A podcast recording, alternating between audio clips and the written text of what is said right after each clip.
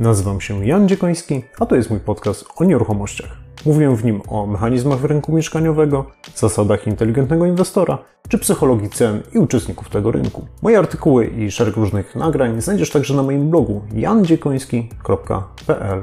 Jeżeli jesteś profesjonalistą i żyjesz z rynku nieruchomości, to zapraszam Ciebie także na mój serwis analityczny fltr.pl, gdzie razem z zespołem dzielimy się analizami i doradztwem dla uczestników naszego rynku.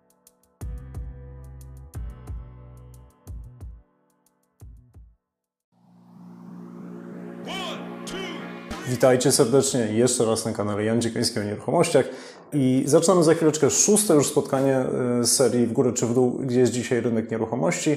W przewidywaniach, że rynek nieruchomości w ciągu najbliższych dwóch lat zaliczy całkiem dużą korektę.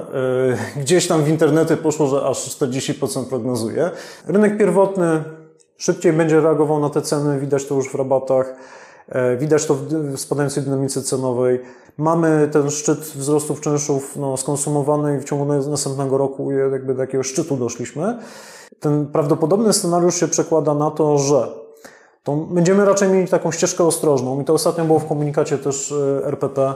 Cały 23 i pewnie dopiero w 24 będziemy mogli myśleć o obniżkach. Niemniej, niezależnie jak sobie będziemy rysować też strzałeczki, to ta zima, czyli drogie kredyty, niska zdolność kredytowa, co najmniej do 2024 roku ona się po prostu utrzyma. I spróbujemy też odpowiedzieć na jedno pytanie, które zadała mi moja znajoma jeszcze ze studiów. Jest inflacja po 20%. Nie wiadomo, co będzie ze stopami procentowymi, ale one jeszcze też nie są aż takie, żeby, nie wiem, na tej lokacie te 7% mnie jakoś zbawiało, jak mamy inflację prawie 18%. Co robić, w jaki sposób inwestować? No ja powiedziałem, słuchaj, no rozwiązań jest dużo, nie ma jednego uniwersalnego. No oczywiście zależy od Twojej strategii, horyzontu czasowego, kwoty i tak dalej. Wierzę w to, że mimo wszystko jakoś racjonalnie przejdziemy sobie przez ten trudny okres gospodarczy i mimo wszystko ta inflacja spadnie i nie będziemy mieli jakiejś Argentyny u nas. To myślę, że dzisiaj to są te czasy, żeby mieć trochę aktywów czym innym niż złotówka.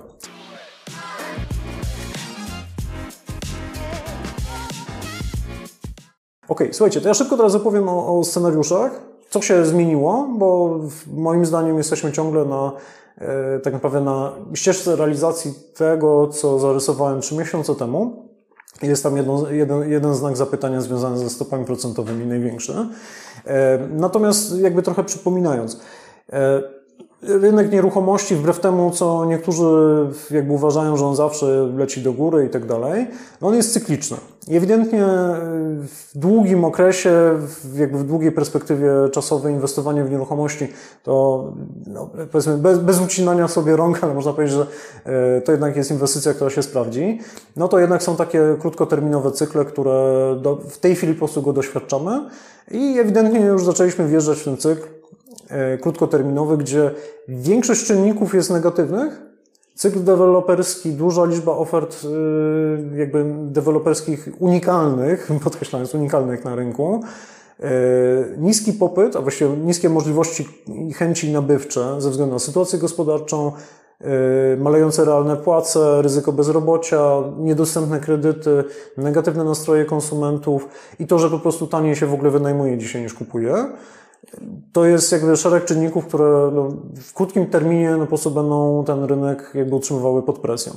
Jeden, jedna gwiazdka tutaj na, na pomarańczowo akurat na tym wykresie zaznaczyłem, że atrakcyjność inwestycji w mieszkania na wynajem, tak, na, tak patrząc statystycznie, to ona nie jest może jakaś super, ale jeżeli popatrzycie na rynek, zaczniecie przeglądać oferty, to już zauważycie, że powoli wychodzą fajne y, mieszkania, trochę przecenione bardziej niż, niż, niż dotychczas gdzie faktycznie te, te rentowności już zaczynają się gdzieś tam lokować w bardziej sensownych poziomach typu 7, 8 i więcej procent. No i jakby jak już będziemy na tym rynku i będziemy obserwować, no to ten, ten czynnik powoli już przestanie być prawdziwy. Znaczy, ruszy popyt na mieszkania na wynajem, że one znowu staną się bardziej opłacalne, tylko w trakcie po drodze musi jakaś tam korekta cenowa nastąpić albo jeszcze dalszy wzrost czynszu. Znowu z tym znakiem zapytania. Średnioterminowo też nie jest jakoś tam super, bo mm, mamy, taki, mamy te pozytywne elementy. Migrację do Polski ewidentnie, nawet jeżeli część Ukraińców wróci do siebie, to mamy ciągle migrację z innych krajów, bo nadal na przykład rynek pracy w Polsce, mimo tych, tych wielu negatywnych aspektów, i tak jest na przykład lepszy niż nie wiem, w Hiszpanii. Więc mamy migrację na przykład z takich krajów. Mamy elementy, które będą wpływały na popyt w średnim terminie, czyli styl życia, że mamy znowu więcej tych gospodarstw domowych, e, bo więcej singli na przykład generalnie żyje i w pewnym momencie wrócimy do, tej, do tego tworzenia gospodarstw domowych i to, że ciągle mamy niski standard mieszkaniowy, przynajmniej patrząc statystycznie, mieszkań na głowę to już mamy odpowiednio wręcz, można powiedzieć, ale to ciągle są małe mieszkania, więc ciągle mamy jakieś tam presję do tego, żeby jakieś tam mieszkania budować. E, no to są elementy, które w średnim terminie na pewno będą działały i zasilały ten rynek.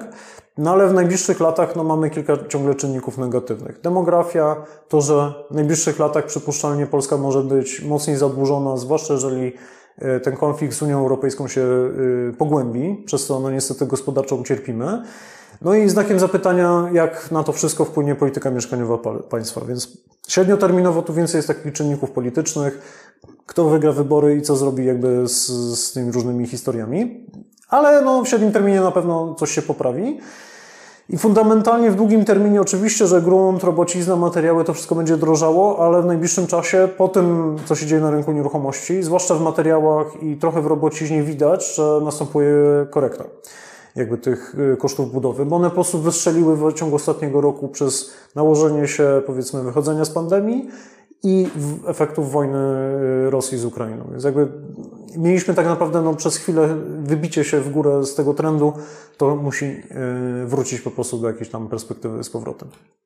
Więc ja powiedzmy tej projekcji czy wytłumaczenia, dlaczego zakładam takie, a nie inne y, spadki w poszczególnych segmentach, kiedy to potencjalnie może nastąpić, to o czym mówiłem dokładnie w lipcu tego roku, tego nie cofam, na razie nie widzę przesłanek do tego, żeby coś tu się miało zmienić.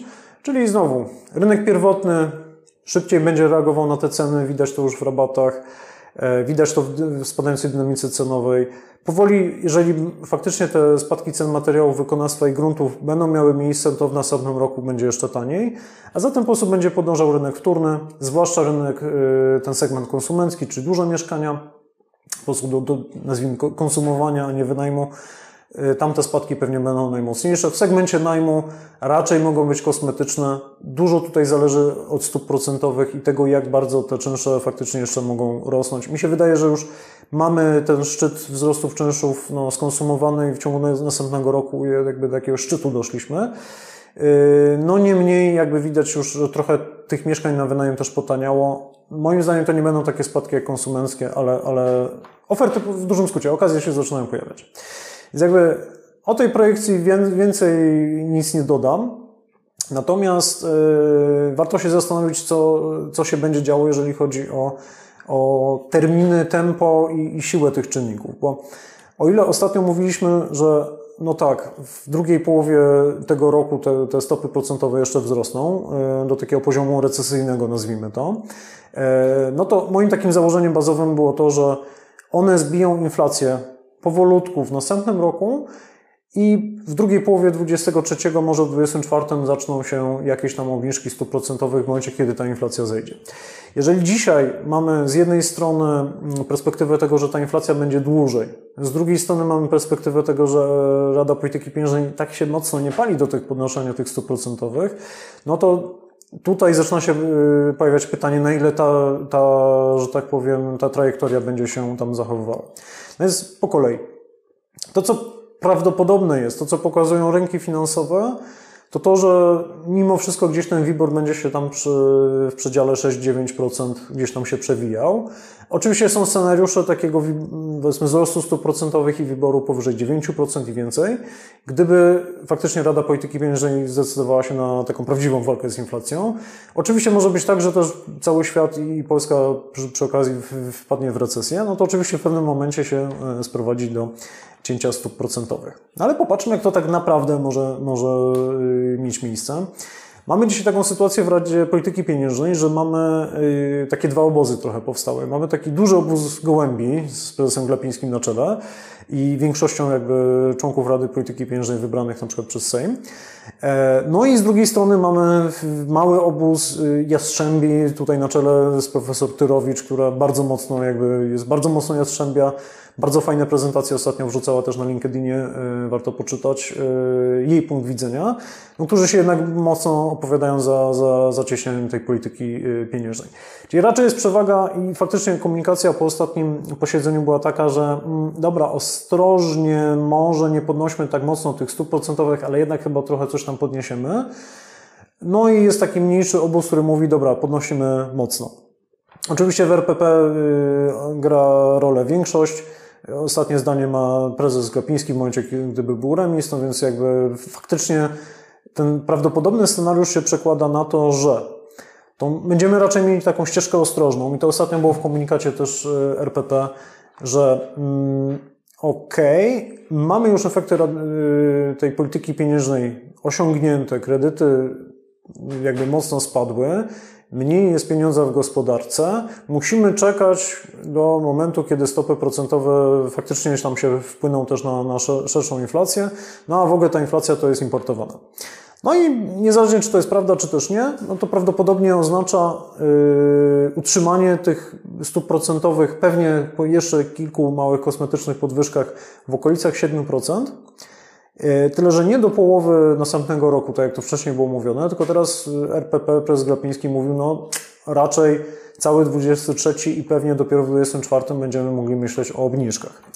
E, I to jest to, co można wysnuć jakby z ostatniego komunikatu. Natomiast może być tak i, i dzisiaj, yy, dzisiaj pojawiły się wypowiedzi na przykład prezesa PFR-u yy, Pawła Borysa, który często, no można powiedzieć, trochę suflował ten taki bardziej jastrzębi obraz, podpowiadał to, co no, tak naprawdę trzeba zrobić yy, w tej sferze, powiedzmy, rządzącej. No mówię, że tych podwyżek jednak chyba powinno być trochę więcej. Ten obraz Jastrzębi może jednak yy, dojść do skutku i faktycznie ta, ta walka antyinflacyjna może być yy, faktycznie dojść do skutku i wtedy mówimy o tym, że ta stopa procentowa wyjedzie na 9 albo więcej procent. Więc no jest taki scenariusz, on pewnie będzie oznaczał, że szybciej dojdziemy do obniżek stóp procentowych, no bo po to się robi radykalnie mocne podwyżki, żeby szybciej, yy, szybciej zbić inflację i szybciej wrócić do spadków. No niemniej, yy, gdyby ta ścieżka nastąpiła, no to tak naprawdę o spadkach mówimy w drugiej połowie tego następnego roku i do spadku poniżej na przykład 6-5% mówimy znowu o 2024 roku. I też nie spodziewajmy się tego, że te stopy procentowe wrócą do 0 albo 2%. No nie. Raczej trzeba się spodziewać tego, że ta długoterminowa stopa procentowa to będzie raczej 3-4% przynajmniej w najbliższych latach. Oczywiście może być tak, że e, Rada Polityki Pieniężnej pojedzie ścieżką ostrożną, a inflacja wystrzeli do góry, więc i tak będziemy mieli podwyżkę stóp procentowych. Dzisiaj, dzisiaj jest raczej, raczej taka. Ryzyka są w stronę tego, że inflacja będzie wyższa niż niższa, więc raczej tego trzeba się spodziewać. Oczywiście możemy mieć sytuację taką, że jednak wchodzimy w recesję, albo politycy odpalają nam scenariusz turecki, e, więc e, na przykład zacznie się cięcie stóp procentowych na przykład w drugiej połowie już 2023 roku, mimo tego, że na przykład jest wysoka inflacja, albo właśnie dlatego, że, e, że mamy po prostu cięcie, cięcie stóp, żeby zasilać po prostu gospodarkę, albo mamy recesję. Niemniej, niezależnie jak sobie będziemy rysować te strzałeczki, to Jednym, tym, co moim zdaniem jest bardzo prawdopodobne i trzeba wpisać sobie w biznes, jeżeli prowadzicie biznes nieruchomościowy albo planujecie coś w kredytach, albo macie kredyty, to ta zima, czyli drogie kredyty, niska zdolność kredytowa, co najmniej do 2024 roku ona się po prostu utrzyma. Gdzieś tam w pewnym momencie prezes Kaczyński chlapnął coś o kredytach na 2%, dla, dla młodych i tak dalej. Temat zniknął, oczywiście politycy coś mogą zagmerać, ale nawet jeżeli to się pojawi, to tylko do jakiegoś grona wybrańców. W kredytach będzie ciężko. Drugie, w momencie jak myślicie nad, nad, tym, co robić w przyszłości, i ja też sobie to pytanie zadałem, no to zakładam mimo wszystko, że ta inflacja, wysoka inflacja i zwłaszcza słaby, słaba złotówka, ona się utrzyma przez, 2000, przez 2023 rok i pewnie jeszcze 2024. I to też raczej jest raczej bardziej prawdopodobne niż mniej. To też warto sobie tam w plan inwestycyjny wpisać. E, no i może być tak, że te stopy procentowe mimo wszystko trochę będą jeszcze wyższe, e, co znowu się przekłada na to, że ta presja na spadek cen aktywów, mówię tu o nieruchomościach, ale też na przykład o akcjach czy o obligacjach, Teraz mieliśmy odbitkę w ostatnim tygodniu, ale ona może wrócić i przypuszczalnie jeszcze, jeszcze te przeceny y, większe wywoła. Więc jakby takie są moje tezy jakieś inwestycyjne. Oczywiście jest tu dużo obszarów niepewności, o których mówiłem też na ostatnim webinarze, więc nie będę jakby na ich temat się rozwodził. Y, moim zdaniem polityka y, stóp procentowych ona będzie bardzo mocno tutaj na tym ważyła. Nie wiem oczywiście, co będzie z Ukrainą i tak dalej, Natomiast dochodzi coś, co ja o tym zapomniałem w zeszłym e, webinarze, to wyborcze obietnice i zmiany w polityce mieszkaniowej. Może być tak, że Yy, zwłaszcza no, po prostu biorąc pod uwagę, że są wybory i słyszymy co chwilę jakieś podatki, jakieś dodatki, yy, niskie kredyty, może wykup mieszkań komunalnych. Ewidentnie coś tam się kotłuje wokół tych yy, nieruchomości. I to mogą być jakby zmiany w różną stronę, więc jakby całą tą moją projekcję w ogóle można wrzucić do kosza, jeżeli na przykład jutro premier powie, dobra, to teraz wszyscy będą mieli kredyty za 2%. No to oczywiście wiadomo, że to wszystko jest do kosza. Przypuszczam, że tak nie powie, bo po prostu kraju na to nie stać. I raczej wtedy będziemy mieli dolara za 6 zł. No niemniej jest to możliwe oczywiście. No to warto o tym pamiętać. No i dobra, dochodzimy praktycznie już do końca. E, mianowicie do pytania, jak w takim otoczeniu w ogóle inwestować. Ja tutaj sobie wziąłem yy, trzy kwoty jako przykład, bo nie ma co myśleć o kwotach typu na milion, 5 milionów i tak dalej, bo to jest na osobną rozmowę, ale popatrzyłem na kwoty 10, 100 i 250 tysięcy złotych. Trochę dzieląc to na takiej zasadzie, że okej, okay, jeżeli ktoś ma 10 tysięcy do, do zainwestowania i tak się drapie po głowie, co z tym zrobić, no to ja to raczej traktuję jako poduszka inwestycyjna albo ewidentnie niska kwota. To, to nie jest kwota, z której będą jakieś cuda, to jest raczej to takie drobne oszczędzanie na, na czarną godzinę i budowanie tych, tych większego portfela inwestycyjnego. 100 tysięcy to już jest jakaś trochę większa kwota inwestycji, zwłaszcza jeżeli ktoś, nie wiem, ma 100 tysięcy na giełdzie, no to Takich osób no, wielu nie ma. To nie jest też nie wiadomo ile, ale no jednak to, jeżeli już się inwestuje taką kwotę, to już jest trochę więcej środków. Na 250 tysięcy ewidentnie to już jest taka wyższa kwota, która otwiera trochę więcej furtek jakby inwestycyjnych. No i teraz zależnie na jak długo jeszcze chcemy zainwestować daną kwotę, to też troszeczkę inaczej wygląda. Bo inaczej będziemy inwestować, jeżeli na przykład wiemy, że za rok, za dwa lata na przykład chcielibyśmy kupić to nasze wymarzone mieszkanie, bo Widzimy te oferty, widzimy, że to tanie, wszystko tanieje. Za dwa lata akurat, czy tam za rok będziemy chcieli kupić, no to inaczej do tego podejdziemy niż do ulokowania pieniędzy na długi termin. Że na przykład już, nie wiem, potrzeby mieszkaniowe mam na przykład załatwione, yy, to już jest moje, powiedzmy, jakieś tam środki na cashflow, czy taką długoterminową emeryturę, to inaczej też do tego się podchodzi. I teraz yy, jeszcze tak yy, z jedną gwiazdką może, że to, co tutaj opisuję, to są po pierwsze kategorie inwestycyjne, więc sami musicie sobie przeanalizować co, gdzie, jak i w ogóle. Nic nie, nie podaję tu żadnych nazw, bo no po pierwsze tego nie można robić, a po drugie to byłoby niepoważne kompletnie. I to jest oczywiście w pełni moja taka prywatna opinia. Ja osobiście troszeczkę bardziej zaawansowane rzeczy staram się robić. Niemniej wydaje mi się, że to są takie rzeczy, które, jak, jak to się mówi, swojej mamie można polecić. Jak, nie wiem, ja z moją mamą rozmawiam, jak jakieś tam oszczędności ma lokować, to bardzo podobne rzeczy jej opowiadam. Jest, moim zdaniem to są rzeczy dość, dość, dość pewne, a myślę, że też za kratkami nie wyląduje, jeżeli o nich powiem. Więc na krótki okres z niewielką kwotą, szczerze, ja bym w ogóle nie kombinował i nie zastanawiał się nad jakimiś tam cudami, magicznymi rozwiązaniami w ogóle. Jeżeli mamy niewielkie pieniądze albo niewielki portfel inwestycyjny, to ja bym naprawdę nie kombinował. Oczywiście można robić bardziej zaawansowane rzeczy, ale po prostu dzisiaj zwykła lokata w banku, ewentualnie krótkoterminowe, detaliczne obligacje skarbowe, czyli te, które nie są notowane na rynku, to po prostu jest jedyne sensowne rozwiązanie w perspektywie takiej krótkoterminowej. E, żadna giełda, żadne nieruchomości, bo to się nie sprawdzi. Po pierwsze, też za bardzo Was na nieruchomości nie byłoby stać, ale też krótki okres wyciągnięcia środków z powrotem po prostu nie, nie, nie, nie, ma, nie, ma, nie ma po prostu sensu. Jeśli myślimy o średnim okresie typu 3 do 5 lat, to przy takich niskich kwotach dodałbym, yy, raczej bym pomyślał na przykład o tak zwanych detalicznych obligacjach skarbowych, tych indeksowanych inflacją. A to dlatego, że tak jak mówiłem, jest dużo jakby takich czynników ryzyka, które mogą spowodować, że niezależnie co mówią politycy, ta inflacja będzie ciągle wysoka, 10% przez kolejne lata i to się nam rozciągnie. I y, wtedy te inflacyjne dziesięciolatki, tak zwane EDO y, skarbowe, bardzo fajnie się będą sprawdzały. Ci, którzy inwestowali w nie rok temu, dzisiaj zarabiają 18%. I oczywiście one teoretycznie są na 10 lat, ale one mają bardzo fajny, prosty okres wyjścia. Można ją umorzyć w ciągu tygodnia po jakiś, z niewielkim kosztem. Więc one też na taki średnio, średni okres też się fajnie nadają.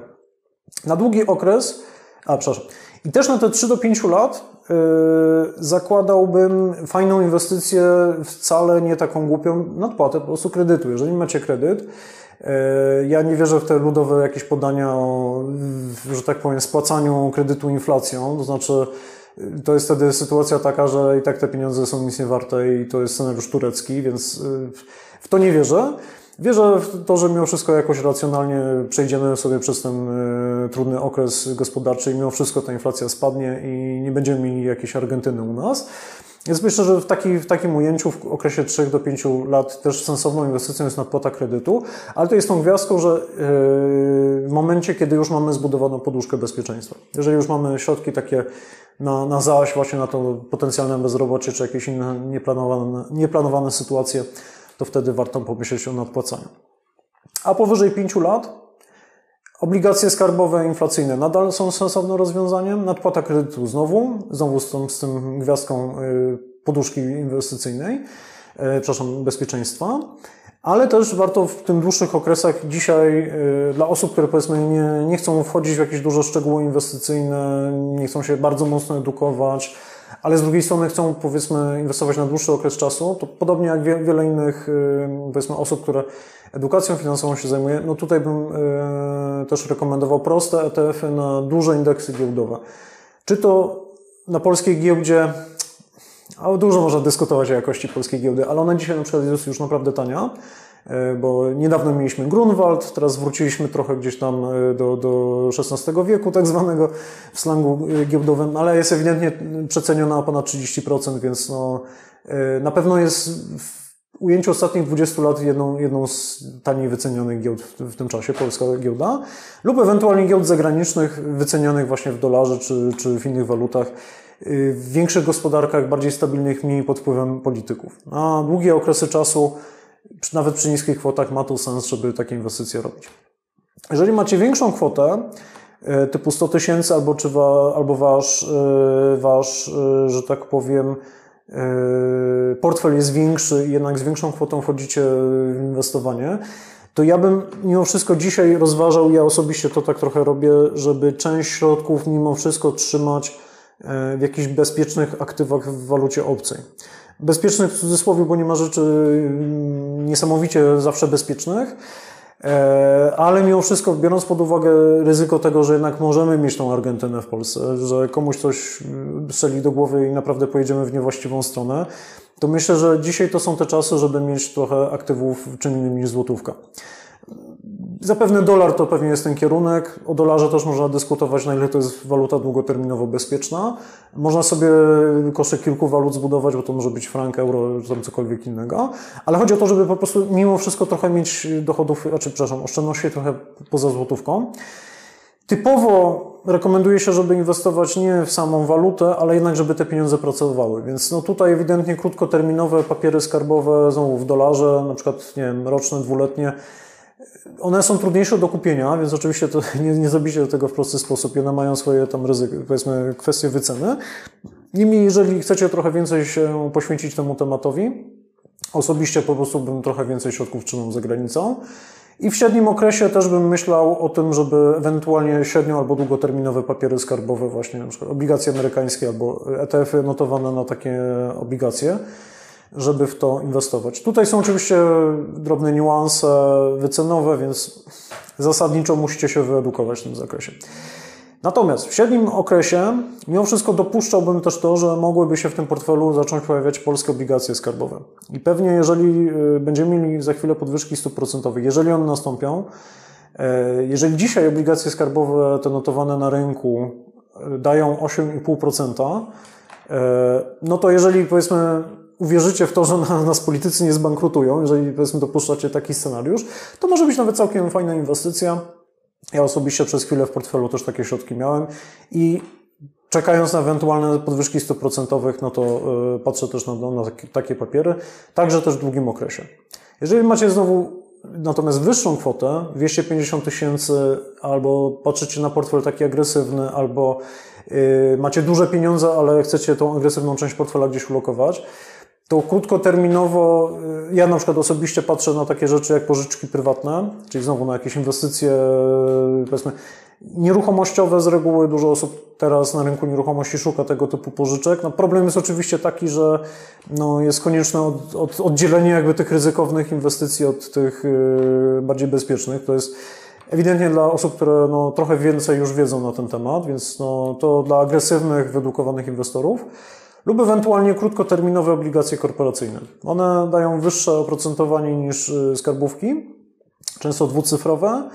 Natomiast oczywiście tam jest pewne ryzyko upadłości y, emitenta, więc no, znowu, to trzeba robić świadomie z, ze znajomością jakby różnych prawideł, no i z, trzeba zakładać, że tam może być po prostu trochę gorzej. W średnim okresie Krótko, średnioterminowe obligacje korporacyjne ponownie, tylko o dłuższych tenorach można wtedy wchodzić. Lub ewentualnie można już się zastanawiać y, nad wchodzeniem na ETF-y, na indeksy giełdowe. Teraz, dlaczego nie zakładam inwestowania na, giełdzie w ciągu roku do dwóch lat? Y, z dwóch powodów. Pierwszy powód jest taki, że krótkoterminowe inwestowanie na giełdzie to nie jest inwestowanie, tylko to jest po prostu trading, to jest spekulacja, więc y, to nie jest kategorii lokowania środków, to po pierwsze. A po drugie, mimo, że giełdy na świecie, jakby, e, do, że tak powiem, e, no, przeżyły dość, dość fajne przeceny w, ostatnim, w ostatnim roku. Amerykańska giełda spadła, znaczy S&P o ponad 20%, Nasdaq o 30%, więc można powiedzieć jest tanio, ale ciągle są jakby projekcje, że mogą jeszcze, ta giełda może jeszcze stanieć w ciągu kolejnego roku o kolejne 20-30%. Nie wiadomo, czy tak będzie, dlatego jeżeli wejdziemy na rok, na dwa, no może być dobrze, może być kiepsko, więc dlatego nie, tego bym nie, nie, nie, nie rekomendował, ale w perspektywie 3 do 5 lat jest to bardziej prawdopodobne. Natomiast w długim okresie 5 i więcej lat, biorąc pod uwagę nawet te moje projekcje i to, co widzę, co się dzieje na rynku nieruchomości, e, myślę, że mieszkania na wynajem lub inne nieruchomości, zwłaszcza, że jakby ta kategoria jest dość szeroka, czyli na przykład, nie wiem, grunty, ewentualnie powiedzmy nieruchomości komercyjne, ewidentnie nadal są, albo wręcz teraz stają się jeszcze fajniejszym powiedzmy aktywem inwestycyjnym, bo moim zdaniem, ja, ja to widzę na pewno na rynku, zwracamy do takiego rynku kupującego, kiedy faktycznie, zwłaszcza jak mamy cash, to możemy wyciągać fajne okazje i ten moment inwestycyjny zaczyna się pojawiać. No dla osób agresywnych, witajcie, to ja. E, też selektywne na przykład inwestowanie w spółki giełdowe albo ETF-y sektorowe, czyli znowu już bardziej takie trochę wyrafinowane strategie. E, więc mam nadzieję, że przynajmniej osoby, jeżeli część osób pytało mnie, ok, to jakbym, jakbym lokował środki, mam nadzieję, że tym jakby tym kawałkiem nagrania e, naszego webinaru też na to pytanie odpowiedziałem i oczywiście można w tym kombinować, to jest moja opinia, wy powinniście sobie zbudować własną, e, dopasować ją do swojej sytuacji i tak dalej. To jest moja opinia, e, na własną odpowiedzialność oczywiście możecie z niej korzystać lub też nie. Ale myślę, że no, przynajmniej części osób może to jakieś otworzyć jakieś tam klapki w oczach, w jaki sposób do tego można podejść. No i cóż, na koniec ja powiem yy, w dużym skrócie, co ja robię, bo powiedziałem, co ja bym mojej mamie zarekomendował. Ja natomiast delikatnie inaczej oczywiście do tego podchodzę. Yy, jakby dzielę tą opowieść o tym w ogóle, w jaki sposób ja inwestowałem, czy inwestuję, czy jakie decyzje podejmowałem w ostatnich latach. Po pierwsze z perspektywy finansowania, czyli czym finansowałem moje inwestycje i w co te inwestycje trafiały.